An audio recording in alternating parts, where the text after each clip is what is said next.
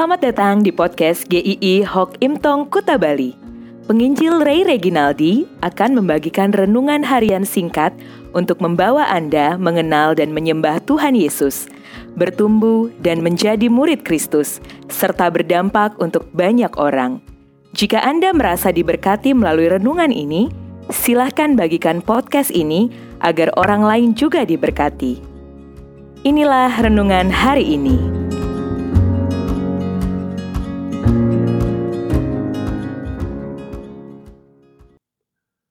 Sampai berapa kali. Matius 18 ayat 22. Yesus berkata kepadanya, "Bukan, aku berkata kepadamu bukan sampai tujuh kali, melainkan sampai tujuh puluh kali tujuh kali." Kalau bicara tentang pengampunan, itu pasti sebuah pergumulan yang tidak mudah.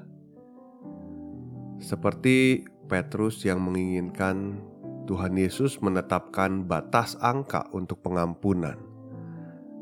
Setiap orang yang bersalah harus ada batasan sampai berapa kali dia diampuni.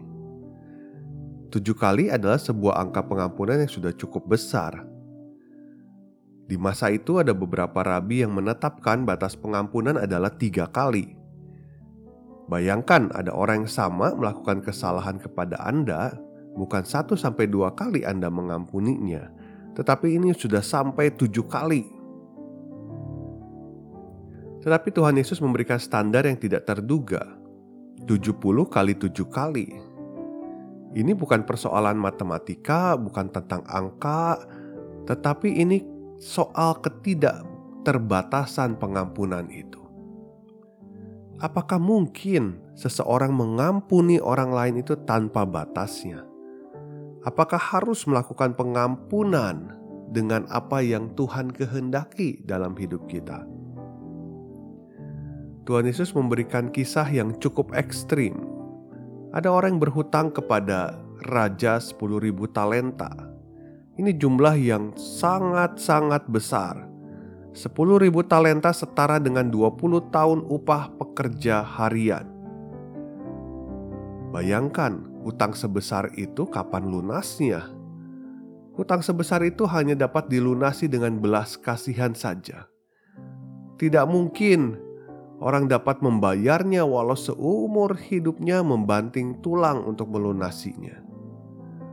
Raja sudah menuntut bayaran dan karena ketidaksanggupannya, maka rencananya orang berhutang ini dan keluarganya akan dijual. Tetapi karena belas kasihan raja, hutangnya itu dihapuskan.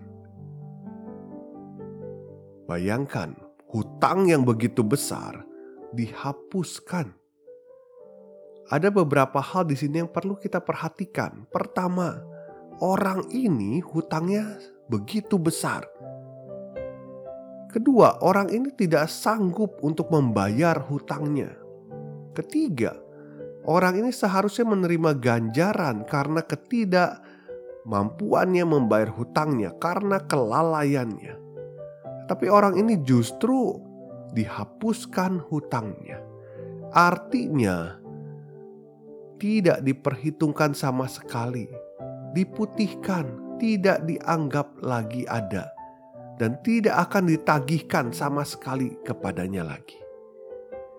Penghapusan hutang orang ini adalah karena belas kasihan, bukan karena kemampuan orang ini atau karena kebaikan orang ini.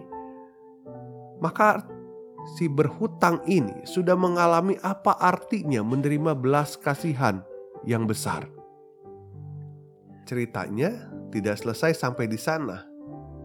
Setelah adegan yang begitu dramatis, mencengangkan, hutang yang sangat besar itu dihapuskan, sekarang beralih kepada hamba yang sudah dihapuskan hutangnya ini. Ternyata ada orang lain yang berhutang kepada dia. Hutangnya jauh lebih kecil. Hanya 100 keping perak, setara tiga bulan upah kerja harian. Bayangkan tadinya dia berhutang 20 tahun upah kerja, ini tiga bulan upah kerja harian. sebuah nilai yang sangat kecil dibandingkan hutangnya yang sudah dilunasi kepada raja. Sebuah jumlah yang masih sangat masuk akal untuk dilunasi. Tetapi tindakan hamba yang telah dihapuskan hutangnya ini sangat memalukan. Dia tidak mau tahu, dia memaksa, dia mencekik teman yang berhutang kepadanya, tidak memberikan waktu, bahkan menghukumnya, memasukkannya ke penjara. Orang yang sudah dilepaskan mengalami pengampunan, tidak dihukum, dengan mudah menghukum orang lain yang kadar kesalahannya jauh lebih kecil. Maka dengan mudah kita semua akan keheranan dengan sikap orang ini. Mengapa sangat tega melakukan ini? Mengapa dia tidak punya belas kasihan seperti yang dia sudah terima dari raja itu? Tuhan Yesus tidak mau anak-anaknya hidup seperti hamba yang tidak tahu diri itu. Kita ini adalah orang-orang yang berhutang sangat-sangat besar. Hutang kita ini tidak pernah bisa dilunaskan. Kita tidak akan pernah mampu melunasi semua hutang dosa kita ini. Kita diampuni karena belas kasihan Tuhan, karena kasih karunia Tuhan. Jika ada orang mengalami pengampunan Tuhan Yesus, seharusnya hidupnya juga bisa memberikan pengampunan yang tanpa batas kepada orang lain. 70 kali tujuh kali tidak terhingga karena kesalahan kita begitu besar yang sudah diampuni. Dan tidak ada kesalahan yang lebih besar dari kita terhadap Tuhan. Mengampuni memang tidak semudah mengatakannya.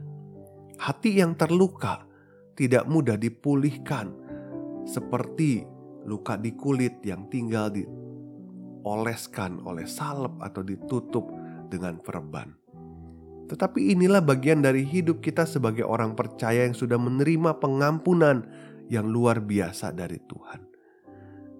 Jika ada seseorang yang belum bisa Anda ampuni sampai hari ini, Tuhan tidak mau Anda terus-menerus hidup di dalam hati seperti itu. Mulailah berdoa kepada Tuhan, mohon pertolongan Tuhan untuk bisa mengampuninya. Kadang kita belum bisa memberikan pengampunan justru kepada orang-orang yang terdekat dengan kita. Mungkin itu suami atau istri, mertua atau menantu kita, anak atau orang tua, atau bahkan saudara seiman atau rekan sepelayanan. Mari belajar mengampuni mereka. Orang yang sudah diampuni dosanya oleh Tuhan pasti mampu mengampuni juga orang yang sudah bersalah kepadanya di dalam pertolongan Tuhan. Pengampunan yang kita berikan kepada orang lain tidak pernah sebanding dengan pengampunan yang sudah kita terima dari Tuhan. Amin.